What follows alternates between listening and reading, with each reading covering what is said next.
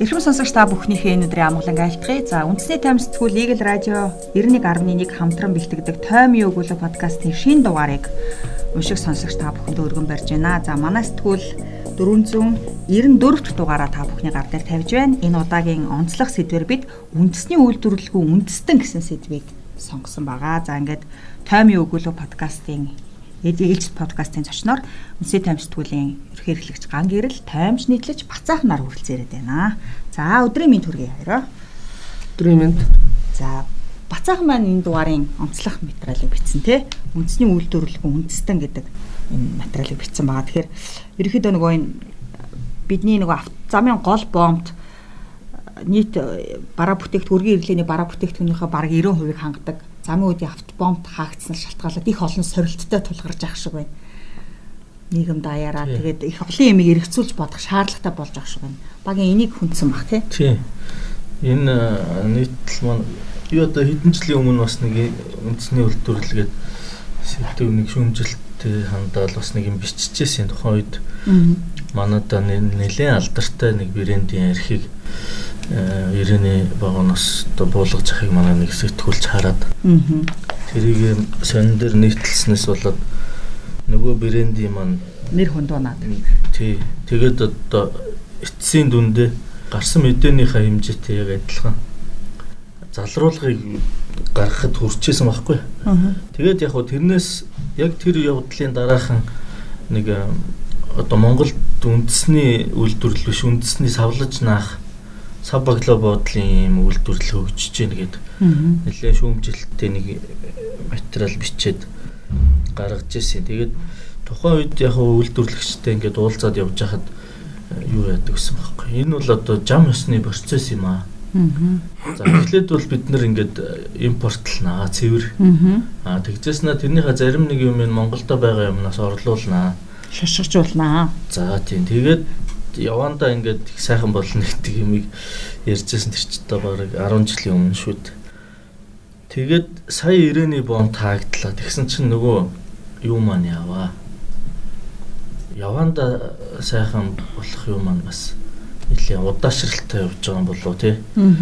Тэгээд маш олон бүтээгдэхүүн лангуунаас алга болсон. За тэд нэр одоо үндэсний үйлдвэрлэл гэж явдаг боловч ганцхан орцсон л одоо урдаас тий зөвхөн хятадас биш шүү дээ чинь цаашаа солонгос бонгод ер нь урдлаас орж ирж байгаа бүх улсаас одоо нэг л тэр түүхийн эдийнх нь орцсон ингээд авдаг байлаа гэж бодоход тэн дээр унаал ингээд лангуун дээр бараа бүтээгдэхүүн тавьж чадахгүй иргэд. Одоо сөрөг үзэгдлүүд гарч штэ.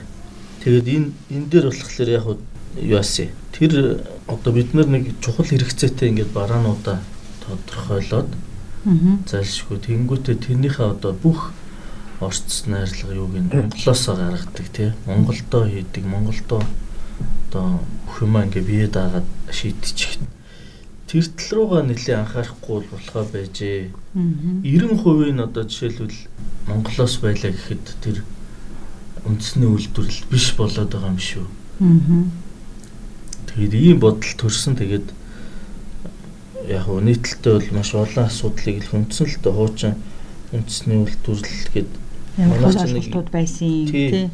90-95 он 96 он хүртэл манай ч нэг үйлдвэрлэл нэг хэсэг хөгжсөн шүү дээ нөгөө солон хойд солонгос шиг яг жинхэнэ нэг бие дагаал юм хийх гээл үтсэн. Эхнээсээ захаас нь ганц нэгээр хийгээд эхэлжсэн. Тэгээд импортын татварыг тэгэлснээс болол ерөнхийдөө бүх үйлдвэрлэл унсан. 96 оны засгийн газар тэгсэн байдаг тий. Тий. Тэгээд тэрнээс хойш ерөнхийдөө ингээд унаж босоод явъя гэсэн чинь бас тийм хангалттай хэмжээнд байгаа биш юм болоо да. Цаана бас бодлого юм хүн байд юм болоо. Гадны хорлол, дотны хорлол гэдээ бүх нөхцөн зүйлүүдийг бас тодорхойлох гэж бас оролцсон л доо. Яг өндөө одоо чиний яасан одоо жишээлбэл тэр демпингийн хууль Манайх чинь тэр гутлын үйлдвэрлэл гутлын манайх чинь ерөөсөө юу юм бэлээ шүү дээ. Хамгийн гайгүй явж исэн хуучин нийгмийн үед бол гутлын үйлдвэр байсан юм байлээ. Тэгээд тэн дээрээ нөгөө зах зээл шилжээд нийгэм чөлөөтэй болсны дараа бас тэндээс гадны улсуудаас бас захиалга орж ирээд ингээд цаашаа ажиллах тийм боломж бололцоо нь бүрдчихсэн чинь тэр мэдээлэл нь хятадуудын сонорт хүрсэн гэж байгаа байхгүй. Тэгээд демпингтэй гутал орж ирээд манай гутлын салбар унсан байт юм билий. Сүүлд тэгээд 90 15 онд шүү дээ. Нөгөө Эрдэнэ нот сайд аж үйлдвэрийн сайд байхдаа демпингийн хууль батлуулна гээд тандууд орж ирсэн. Тий. Тий. Тэгээд энэ хууль батлагдаагүй. Аа. Тэгээд тухайн үед хуулийн хилцүүлэг юм уу хийж хахад бас тэгжсэн гутлан дээр демпинг байдаг. Яг хамгийн тодорхой юу нь бол жишээ нь бол гутал тэн дээр гомдол их ирдэг гэдэг байсан байхгүй. Аа. Тэгээд одоо ингээд батлагдаагүй тэр хөл. Аа. Яагаад батлаагүй юм? Тэгээд бас нэг ийм асуудал. Энэ дээр бас нэг үйлдвэрлэгчтэй уулзаж явсан. Аа. Тэгэхээр бид нар чинь нөгөө дэлхийн худалдааны байгууллагын гишүүн шүү дээ. Аа Тэгээд дэлхийн худалдааны байгууллагт ингээд илсэн гишүүн орнууд чинь хоорондоо ерөөсө бараа бүтээгдэхүүнээ чөлөөтэй худалддаг байхгүй. Аа. Тэн дээр ямар нэгэн квот тавих хориотой а яг хязгаарлалт хий дотоодын зах зээлийн хамгаалал гэх юм бол тарифын аргаар л э, хязгаарладаг байхгүй. Гэхдээ тэр тариф нь 20%-аас итерхгүй. Аа. Тэгээд тэр одоо нэг улс те тухайн улсад байгаа тэр хэрэгцээт бүтээгдэхүүнийг бүр 20-оос илүү хувийн хэмнэлттэйгээр баг зардлаар үйлдвэрлээд тэгэхээр тэр 20% нь тарифыг одоо даваал цааш нь нийлүүлэхэд бол тэр үйлдвэрлэлийг онгож чадхаар ийм байх байхгүй. Тэгээд энэ дэр уг нь энэ байдлыг жоохон өөрчлөх тийм демпингтэй гэдгийг тогтоох юм бол одоо торгуул тавих ч гэдэг юм уу эсвэл квот тавих ч юм ингээ бид нар өөрсдөө хамгаалах тийм боломж бүх нөхцөл нь бүрдэх байсан хууль нь батлагдаагүй. Хоцорцсон нэг юм жишээ байна. Үндэсний үйлдвэрлэлд бас бацаахны материал дээр энэ санаа бас их зүгээр санагдсан л да. Үндэсний үйлдвэрлэлт нөгөө төрийн хар хайрцагны бодлого гэдэг юу юунаас илүү чухал хэрэгтэй юм аа тий. Ямар ч үе солигдож, ямар ч засаг нам солигдож исэн энэ үндэсний үйлдвэрлэлийг дэмжих талаар яг ийм цэгцтэй нэг үе уламжилсан юм хар хайрцагны бодлого гэдэг юм хэрэгтэй гэдгийг бас шигтгэж өгсөн байлээ л дээ. Одоо яг энэ зурус одоо хил хаагдчихад бид нар бүх юм толгомдоо нөгөө нарийн ногооны хомсдолд орно гэж утсан чи ерөөсө бүх юмний хомсдолд орчод байгаа энэ үед цаашдаа бид яах вэ гэдэг стратеги яг энэ үеийг ашиглаад сайн тодорхойлох хэрэгтэй гэж бас. Тийм одоо жишээ нарийн ногоо гэх чинь л өмнө нь одоо зөндөөл зээл юу мó явж байсан хөтөлбөр хэрэгжижсэн тэгээд дотоодын зах зээлээ ингээл хангаж чадахгүй байж штэ. Аа За. За дараагийн сэдвт орох уу? Тий. За. Манай нийтлэлч амтан жоо энэ удаагийн сэтгүүл дээр одоо улс төрийн сэдвэр чухлаа марцсан чуулган гэсэн сэдв хүнсэн байгаа. Тэгэхээр энэ улсын хурлын энэ намрын чуулганаар хилцэх асуудлын дараалал дотор шаардлагатайгаас ахуулаад одоохондоо яг цаг үеийн тулаагүй шаардлагагүй маш олон хуйлууд байгааг бас аймаа маань шүүртсэн байлээ тий. Тий. Их хурлын хуульд өөрчлөлт оруулаад тухайн сард хилцэх асуудлыг их хурлын дарга сарын ихэн захирамж гаргаад баталдаг болсон. Тэгээд энэ намрын чуулга 11 дугаар сарын чуулганаар хилцэх асуудал нь 20 30% хууль нэлээд их байсан л да. Тий, олон хуулийн. Тий, олон хууль байсан.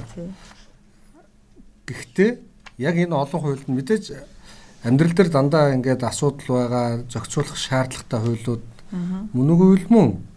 Гэхдээ цаг үеийн хувьд яг одоо хилцэх нэн шаардлагатай юу гэхээр үггүй гэж болохоор хууль айгүй их байгаа байхгүй. Жишээ нь одоо их хурлын тухай хууль, их хурл өөрийнхөө дотоод зохион байгуулалттай холбоотой асруулаа асуудал хилцгээр төлөвлөсөн байгаа. Тийм байлээ. Тэгэд одоо гэтэл өнөөдөр ямар бол ингээ хил гайл нь хаагдцсан. Бараа таварын хомсд болсон. Эдийн засаг нь юу болж байгаа вэ? Инфляц гэдэг юм бол талилаа. Хүмүүсийн худалдаа авах чадвар буурчлаа энэ эдийн засаг чиглэсэн хуулиуд юу байна гэд энэ 11 сард хилцэх их хурлын хилцэх асуудлуудыг харахад эдийн засаг гэсэн юм байхгүй. Тэгсэн ер нь нэг төсөөл батлах хууль хугацаанд батлах л баг л та тийм. Тийм төсөөч одоо 10 сарын 15-наас өмнөстэй. Тэр бол тэгээд яг ингээд заавал хилцдэг. Дэгтэй дөрөв хилцүүл гэдэг явч. Тэгээд төсөө баталчаа дараа нь манах э, тэр төсөв бол бас юу байгаа вэ? 90 оны төсөв шүү дээ. Тийм. Тэгэхэд нэг сарын нэгнээс өмнө туйлдах хүн асар олон болчиход байдаг. зохицуулт юмнууд ямар байна гэдэг дээрээ ингээд анхаарахгүй озооны үед давхархын задаргааг бодисын тухай гэдэг асуудлыг энэ сард хилцгээр одоо манай хөрлийн дараа далайн ашиглах хууль гэлөө. Тий. Далайн ашиглах хууль орж ирж байна шүү дээ. Тий, яг уу далайн ашиглах дээр ч яг уу эдэн дүүрэг олох ч л байгаа хэл та нөө Монголын талбайтай онгоцсон хуулиуд нэг төрөөс мөрөөс авдаг юм шиг байлаа шүү дээ. Гэтэл тэр озооны давхарга махраг бол одоохондоо нэг чухал уу гэдэг энэ скул нөө уур амьсгалын өөрчлөлт мөрчлөлгээд тэр бум мод зодтой холбоотой байх л да. Гэтэ тэгээд наач одоо жишээлбэл энэ чөлөөт бүсийн хууль нэмэлт өөрчлөлт оруулах тухай хуулийн төсөл эдгээр орж ирж идэг бас сонирн байгаа даа. Жавхлангаа хэлсэн юм шүү дээ. Хүмүүст нь модоо өрөөд ахчаа. Ерөнхийдөө чинь мод тэрээгээд нэрээ. Тий. За. Тэгэхээр улсын хурл илүү алсыг харж илүү том зорилтыг олж арай л чухал асуудлуудаа төрүүлж урдчилж хилцэх хэрэгтэй байна. Яг одоогийн байдлаар улс орныхаа одоо байгаа хүлээлтэнд бол улсын хурлын чуулганаар одоо бид нар чи парламентын засаглалтаа улс улсын хурлын чуулганаар хилцэж байгаа гişүүдийн маань одоо гişүүдийг маань ажилтаа байлгаж байгаа энэ чуулган гэдэг асууд чуулганаар хилцэж байгаа асуудлууд жулж жулдаж байна гэсэн. Тэгэхээр л нөгөө улсын хурлын гишүүдэд бид эргээд нөө шүүмжлэх сэдв рүү ороод байгаа шүү дээ, тий. За.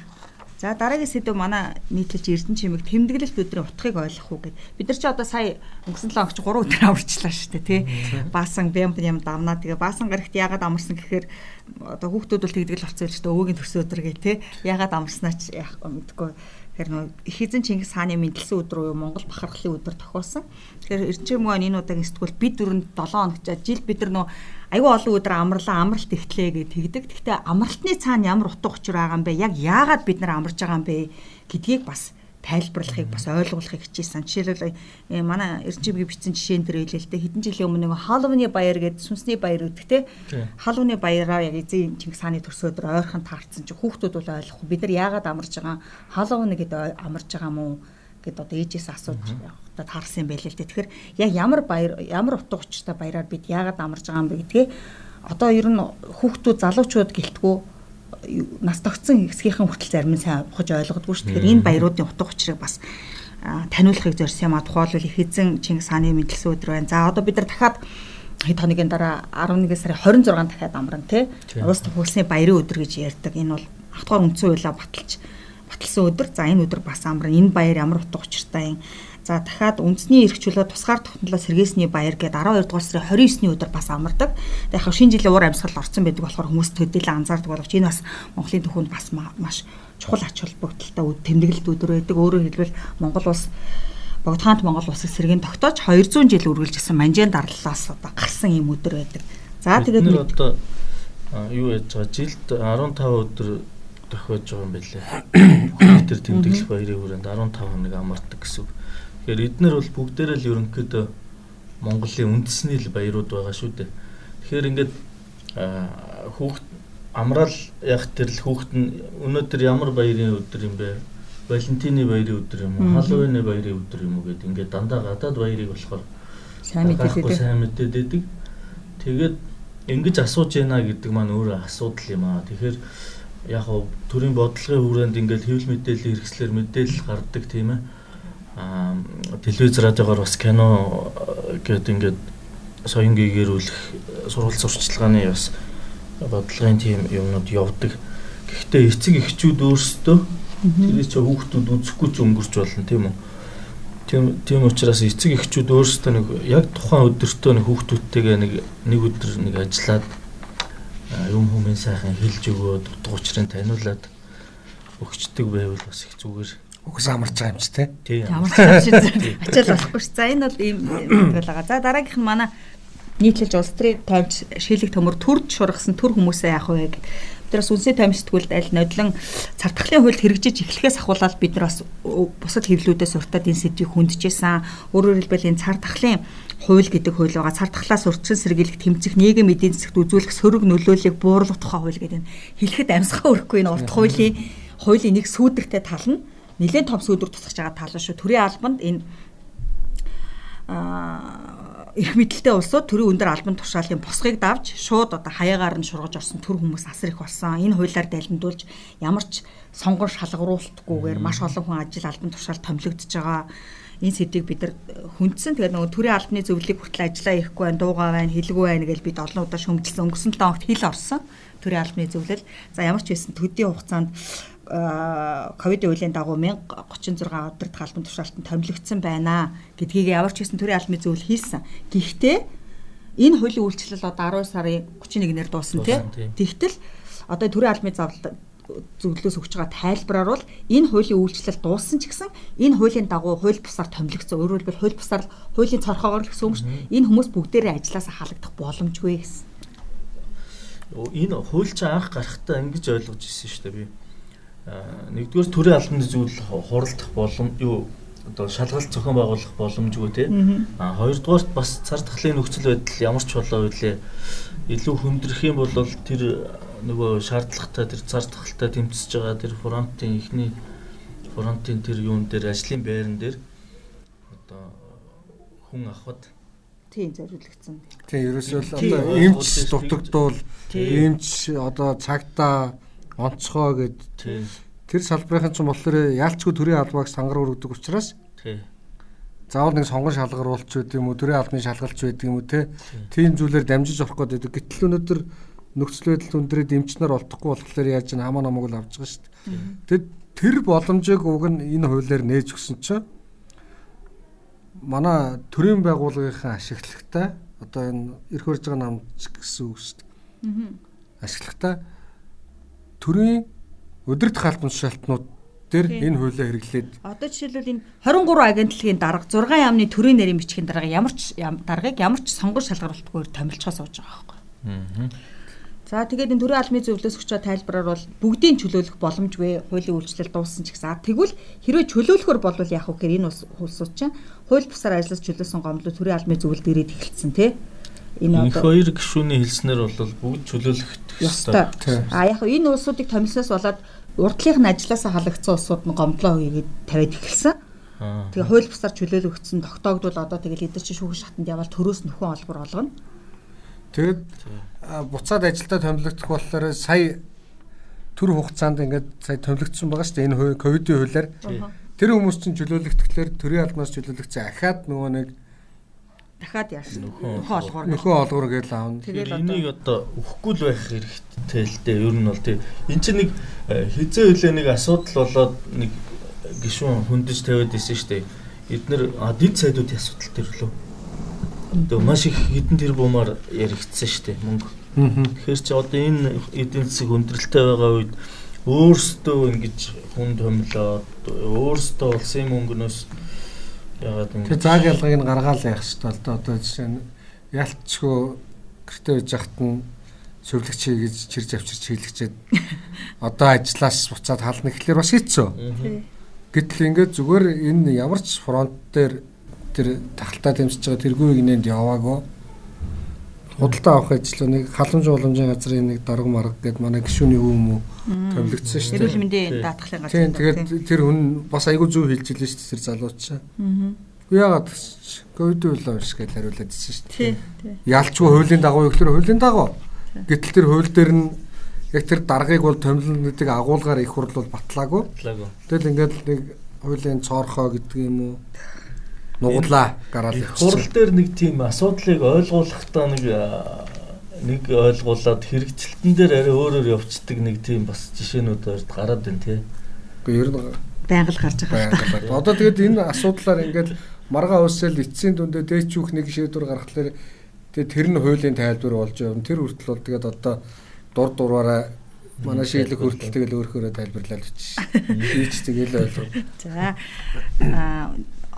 бас цар тахлын сэдвэр л сэдв маань үргэлжилж ин сэтгүүлийн сэдв маань нийтлэлж хонгор зулын тахлын жилийн зураглал гэдэг энэ ямар очиртай гэхээр яг дотооддоо коронавирусын халдвар алдснаас хойш яг нэг жилдээ золгож байна те. 11-р сарын 11-нд 2020 оны тэрний өмнөх жил бол бид нар ч нөгөө нэг хамгсан бод усчаад гартан байлдаанд орох гол хүлээгээд байсан шүү дээ. 3 сард нь бол яг анх утсан бол халдвар тарааж нэг шалаагүй ганцаараа өөрхөн явж байгаа л итгэл явсан. Тэгээ яг дотооддоо халдвар тарж эхлээд одоо яг бодит одоо аюултай нүүр тулгарснаас хойш яг нэг жилийн хугацаа өнгөрч байна. Нэг жилийн хугацаанд бид нэр жоохон тоон томор илэрхийлж байгаа юм л да энийг ямар хуу зүйлүүд болоо. За энэ хугацаанд хэдэн мянган хүн өвчлөв. За одоо 1700 шахуу хүний амнаас ирссэн байна. 360 хэдэн мянган хүн халдвар тохиол одоо халдвар халдварлсан байна. Ер одоо за тэгээд энэ хугацаанд хамгийн айхтар одоо эрдэнэт хүний амнаас үргэцнийг бол хамгийн одоо хэцүү тоо мэдээлэл. За үүнээс гадна 68 мянган ажлын байр устжээ. Нэг жилийн хугацаанд 68 мянган хүн ажилгүй болж үүний цаана тий 68 мянган өрх одоо орлогын хамсалт орсон гэсэн үг шүү дээ. За тэгээ эрүүл мэндийн салбар төрөний бидний ярьсан эрүүл мэндийн салбар хүний нөөцийн хомсдолд орсон.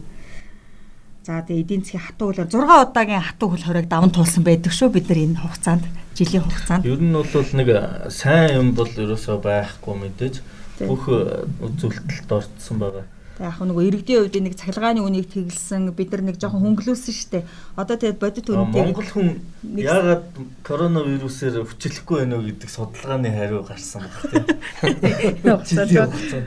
Гэхдээ бас нэг бас амжилттай юм байна. Бас яг байг төр засгаа муулна гэж яг өнгөрсөн хугацаанд бас хүн ам багтай юм бас ач буян байна. Хичмтэй яриа хэлцээр хийдгийг бас үрдүн байна. 5.2 сая вакцин татаж аваад хүн амынхаа тий одоо бол бидний чи вакцин тариулаач вакцин тариулаач гэж гуугаад суугаад байгаа үст тий бас тийм сайн тал байна шүү. За одоо энэ 20 оны 7 дугаар сарын өдрөө анх Кавакс хөтөлбөрт нэгдснээс хойш вакцин авч эхэлсэн юм байна шүү дээ. За нэмэлт бага насныхаа хүүхдүүдийг вакцинжуулах гэж сууж шүү дээ. За. За дараагийн сэдвүүд Австрон манай сэтгүүл залуу сэтгүүрс Австронгийн хяналтгүй хүнс хамжаар гухор гэдэг. За хүнсний аюулгүй байдлын тухай бид бас эрүүл Монгол хүн эрүүл хүнсний талаар бас шүү дээ. Энэ удаад Австри маань ямар сэдвийг хүндсэн гэхээр яг нь нийслэлд бол бид нэг болохгүй шудраг өрсөлдөөнд ховлоод болохгүй бол мэрэгжлийн хяналтад ховлоод бас байгаад болоод байна. Загтал хөрдөө орон нутагт энэ хүнсний хэрэглээ гэдэг юм чинь хүнсний энэ хангамж гэдэг юм чинь ерөөсө цатгаа алдлаа. Яг нөгөө аймаг хотоос аслагдсан сум руу баг руу тээвэрлэхтэй бол мэдээч хэрэг тэр болгон зориултын тээврийн эрсдэл ашиглахгүй байгаа. Дээрс нь хугацаанд дууссан ийм зүйлүүд маш их татдаг. Нэг удаа татахдаа бөөнөр татж байгаа юм чи тий. Энийг ач яах боломжтой. Тэгээ суманд нь одоо жишээ нь ингэдэг гэж байгаа байхгүй 2 3 дэлгүүр байна шүү дээ. Тэгэхээр 2 3 дэлгүүр нь бараа материалаа цугтаа яваад татаад ирдэг. Ачааны машин хөлслөөд бөөндөө татаад ирдэг. Тэгээд тэрнийх нь хугацаа дуусна дуусал бүгд байна. Бүх дэлгүүрт яг адилхан хугацаатай хугацаа дууссан юм байна. Тий. Тэгээ мэрэгжлийн хяналт чинь яг дэлгүүрийн менежмент биш менежмент биш маркетингтэй бас холбоотой. Аймгийн мэрэгжлийн хяналтад яг мэрэгжлийн хяналтын нөгөө нэг хянах яхта чиг үүрэгтэй байгуулах юм уу те аймгийн мэрэгжлийн хяналтад л энэ одоо хүнсний хяналтын байцаагчид байхаас биш. Аймагт байгаа хүн сумд очиж сумын дэлгүүр хянаад явах боломж байхгүй. Сумдад ерөөсөй байгаль орчны байцаагч мал эмнэлгийн байцаагч байдаг ч хүнсний байцаагч байдгүй. Хуулийн өрөөнд аймагт л байдаг гэж байгаа байхгүй. Тэгээд э, мэрэгжлийн хяналтын газраас ирэх ах одоо хүсэлт гаргаад байцаагч ирэх авах боловчтой ч одоо хүнсний байцаагчдаас тун цөөхөн ийм юм байж болох уу? Манайх ч одоо ингээд цахилгааны дутагдлал орохоор эхлээд хөдөөнүүдэд тасалчдээ шүү дээ. Тий. Тэрсийг эндээс бас ийм юугаа бараа бүтээгдэхүүнээ хөдөөрөв тэнд мэрэгжлийн хяналтын байцаагч байхгүй юм шүү дээ. Сумд байхгүй. Сумд цөөхөн байгаа гэсэн. Ер нь бол хүнсний хяналт тавьдаг байцаагч бол 200 бий гэсэн бүр улсын хэмжээнд шүү дээ. 200 хэн хотод байдаг. Хэн хот байдаг. 21 аймагт нэг байгаа. За. Уг нь бол нэг стандарттай ингээл бүгд хот хөдөөгөө те. Гэхдээ одоо манайх чинь дөнгөж хоттой дөнгөж стандарт. Тэгээ одоо ойлгохоор хүнсний хүнсний ялтын байцаагч гэдэг чинь зөвхөн юу л та? Явандаа бол ерөнхийдөө хүнсний хяналтын аймаг дээр байцаагч гэдэг бол одоо зөвхөн шошог хараад хугацаанд дуусныг уншихыг бол бичиг үсэг тайлагдсан хинч уншин шүү дээ. Тэр оруулж ирж байгаа бүтээгдэхүүний юунд орц найрлаганд юу байна гэдгийг бас давхар хардаг л одоо хүнсний талаар мэдлэгтэй л хүн байх шаардлагатай байх л да. Энэ бас тулгамдсан л асуудал гэж байна. гэдэг шиг сум дундын нэг тийм лаборатори тийм яг нь эрүүл Монгол хүнс эрүүл Монгол хүн гэдэг хөтөлбөр хэрэгжүүлж гэн 2 3 засгийн газар дамж хэрэгжүүлж гэн гэдэл сүржигнээд идэг. Тэгэхээр энэ хөтөлбөрийн гол одоо агуулга гэх юм уу гол хүрх зорилт нь энэ хүнсний байцаагчийн тоог нэмэгдүүлэх гэдэг юм эсвэл хүн болгон хүнсний байцаагч бол гэх юм уу тийм зүйлээс эхлэх хэрэгтэй байхаа гэж бодогдсон. За дараагийн сэдв орё хонгорцол Манай хонгор зуул энэ удаад Монголоос цогтох мянган шалтгаанаас зарим нэгэн шалтгааныг дурджээ. За яг нь хил хаагдсанаас болоод гадагшаа урсах урсгал бас жоохон татарсан бахал та. Тэгтэл манайх ч нөгөө солонгост гэрээт ажилтан явах ажилтны бүтгэл хийхэд л стадион тойрол очирдаг усуд шүү дээ. Тэгэхээр сүүлийн үед яг энэ нөгөө цар тахлын нөхцөл байдлаас болоод хил хаагдсан ч гэсэн хил нэгтгэл юм бол Монголоос явна гэсэн хүмүүсийн тоо өдрөөс өдөрт нэмэгдэж байна. Энэ дотор ч сууж байгаа юм шиг байлээ. Тий. Яг хөө энэ нэг буруус юм биш л дээ. Энд ингэж зүгээр байжснаас эдийн засгийн дороотчихсан. Ингэж байжснаас бас нэг гадагшаа очиод хэдэн төгрөг болоод валют болоод наашаа явуулаад ингээд үзвэл энэ ч нөгөө яг нөгөө хойд солонгос шиг төрн ингэж зохион байгуулж аваад мөнгөний хурааж аваад ингэхгүй ч гэсэн яг нэг иймэрхүү процесс бол одоо эхлэх нь бол тодорхой. Яг гэвэл хүмүүс нэгдв нэгдэнгөт тий. Тий. Тэгээд яг энэ хөдөлмөр нэгдүгürt энэ мангар шалтгааны нэгэнд бол бас яг чиний сайн хэлсэн хөдөлмөрийн үнэлэмж бас дурддагчлаа юм л да. Ямар хөө хөдөлмөрийн үнэлэмжтэй хэдэн цаг илүү цагийн хөлснө Америкийн жишээн дээр зүгээр цагийн оюутны жишээн дээр авсан байлээ. За дээрэс нь нэг бас шалтгаан нийгмийн стресс монголчуудыг юусаа байна. Гараал зам дээр те бүүн стресс. Тэгэл одоо ярьж хахад нөө сошиалын хэрэглээ, стрессийн хэрэглээ, сошиалын хэрэглээх утсан сошиалтай дандаа болохгүй бүтэхгүй юм олж уншиж байна. За дээрэс нь бас энэ энд бас нөгөө жишээнүүд өртсөн байлээ. Үн цэнтэй мэрэгжилтнүүд бас юу хөдөлмөрийн үнэлэмжээс гадна үн цэнтэй мэрэгжилтнүүд энд бас үнэлэгдэж чадахгүй байгаа тохиолдол зөндөө байхгүй. Энэ улсын хурлын гишүүн мөнх хориглын одоо хэлсэн ишлэл байна л да. Жилд 400-аас 500 программист те програм хангамжийн мэрэгжилтнээ бид гадаад руу алтж байна гэж байгаа юм. Энд дээр бас нэг амар тоо байсан шүү дээ. Монголоос ер нь явах гадны улсад байнга орсон суух тийм өсөлттэй очиж хилд авж байгаа хүний тоо одоо энэ за коронавирус гарахаас өмнөх жилүүдэд үргэлж өсөлттэй байсан. Аа За 2021 онд бол байхгүй. Тэгэхээр наац цоглорж байгаа тийм. Тий. Тэгээд зүгээр Монгол улсын бүр иргэнээс иргэн хариатаас татгалзах хүсэлттэй иргэдийн тоо бас өсөж байгаа тий. Тий. Одоо 21 онд л ихэд 196 тийм өсөлтөй гаргацсан байгаа гэж 96 хүн. Бүр Монгол улсын иргэнээс иргэнээс гарах. Бүр иргэнээс ха тийм байна энд тий. Тий.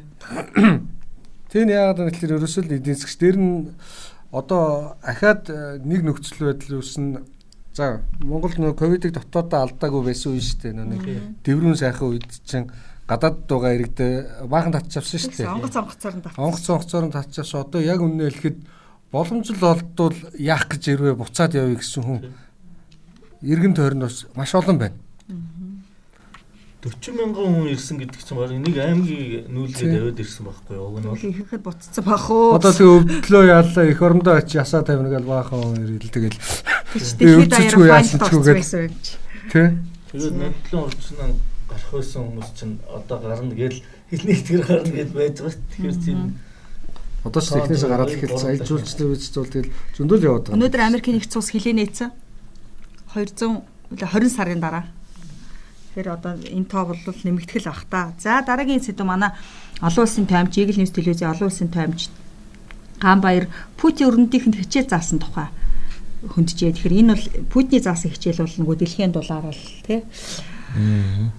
Манайхан ч нөгөө дэлхийд даяараа л хүлэмжийн хийг багасгаад малтмал төрснөөс татгалзаал ур амьсгалын өөрчлөлт тэмцэх тэмцэнэ гэл ингээд. Эсрэгээрээ дэлхийн маань хүүтрээд эрчим хүчний хангамжийн асуудал одоо Европ, Хятад хаас айгу тулгамдсан асуудлын нэг болж байна. За энэ цаг үед Оросын байгалийн хүнд орж байна. Оросын нүүрс үнд орж байна. Тэгээд э, угаасаа Оросын албаны улс ерөнхийлөгч Путин бол дэлхийн давцан дээр маш хүчтэй тоглогчтой. Түүний э, одоо энэ э, төлсний эрчим хүчний хэрэглээ нэмэгдснээр шалтгаалаад Путиний тодрох мөч улам л улам л тод гэлэлцэж байна да. Хичээл зааж байна. Нэг юм юм байгаад байгаа шүү дээ. Америк болохоор энэ чинь Америк Орос гээд хоёр том нэг талаар өрсөлдөгч юм хоёр том улс байна.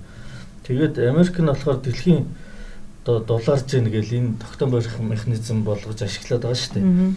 А тэгсэн чинь энэ дэлхийн дулаарлал нь ингээд ямар хөө юм байдгийг ингээд бас ингээд үдсэн чинь ингэдэг гинэ. Зүгээр дэлхийн дундажлаад аваад үцхээр л дулаан. Аа тэрнээс биш яг бодит байдал дээр яадаг вэхээр зундаа асар халуун өвөлдөө асар хөөртөн болчихдог. Аа.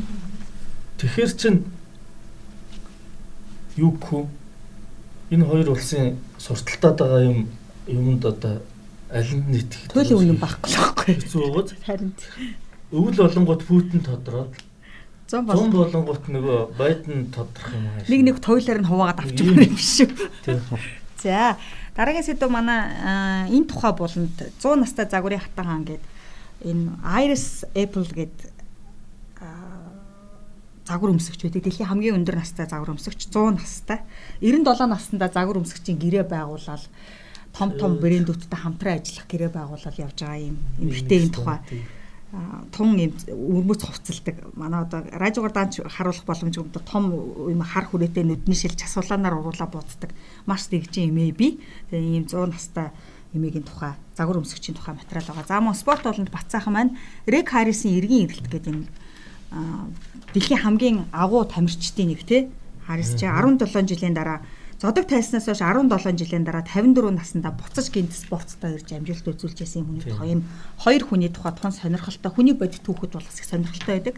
Ийм материалуудыг манай сэтгүүлээс уншаарай. За Үндэсний тайм сэтгүүл дугаар болгондоо уран зургийн талаар сонирхолтой тайлбар ярилц уран зургийн тайлал хүргэж байгаа. За энэ удаад нөгөө Пикассогийн зураг байсан тий.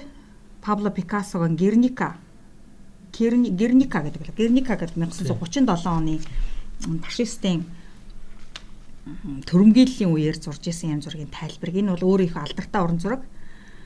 Тэгэхээр энэ зургаа бол ерөөсө 8 м-ийн өндөр өргөн 3.5 м өндөр юм том зураг байдаг. Энийг 33 хоногийн дотор Пикассо зурж исэн юм байна. Тэгээд урлаг судлаач Амина бол манай энэ сэтгүүл дээр энэ зургийн тайлбар дээр бас хамтран ажилладаг. Тэгэхээр энэ зургийн деталь болгонд зурагт өгүүлэгдэж байгаа деталь болгоныг одоо тайлбарлаж тун сонирхолтойгоор өгүүлсэн байгаа. Тэгээд Үсээ тайм сэтгүүлээ үхэл ханхалдаг уран зураг гэж хэлдэг юм байна энэ зургийг. Тэгээ энэ зургийн тайлбарыг бас сонсороо уншаарай. За ингээд уламжлал ясаар манай матар болонд сонирхолтой плечон нийтлэл за 7 хоногийн онцлог ишлүү 7 хоногийн онцлог гэрэл зургууд бас багтсан байгаа. Ингээ үндэсний тайм сэтгүүлийн шин дугаар багтсан э, сонирхолтой онцлог сурвалжлага, ярилцлага, мэдээлэл сүргэх гэдэг юм байна. За эх 7 хоногийн даваа гарагт дахин уулзлаа. Түр баяртай. Баяртай.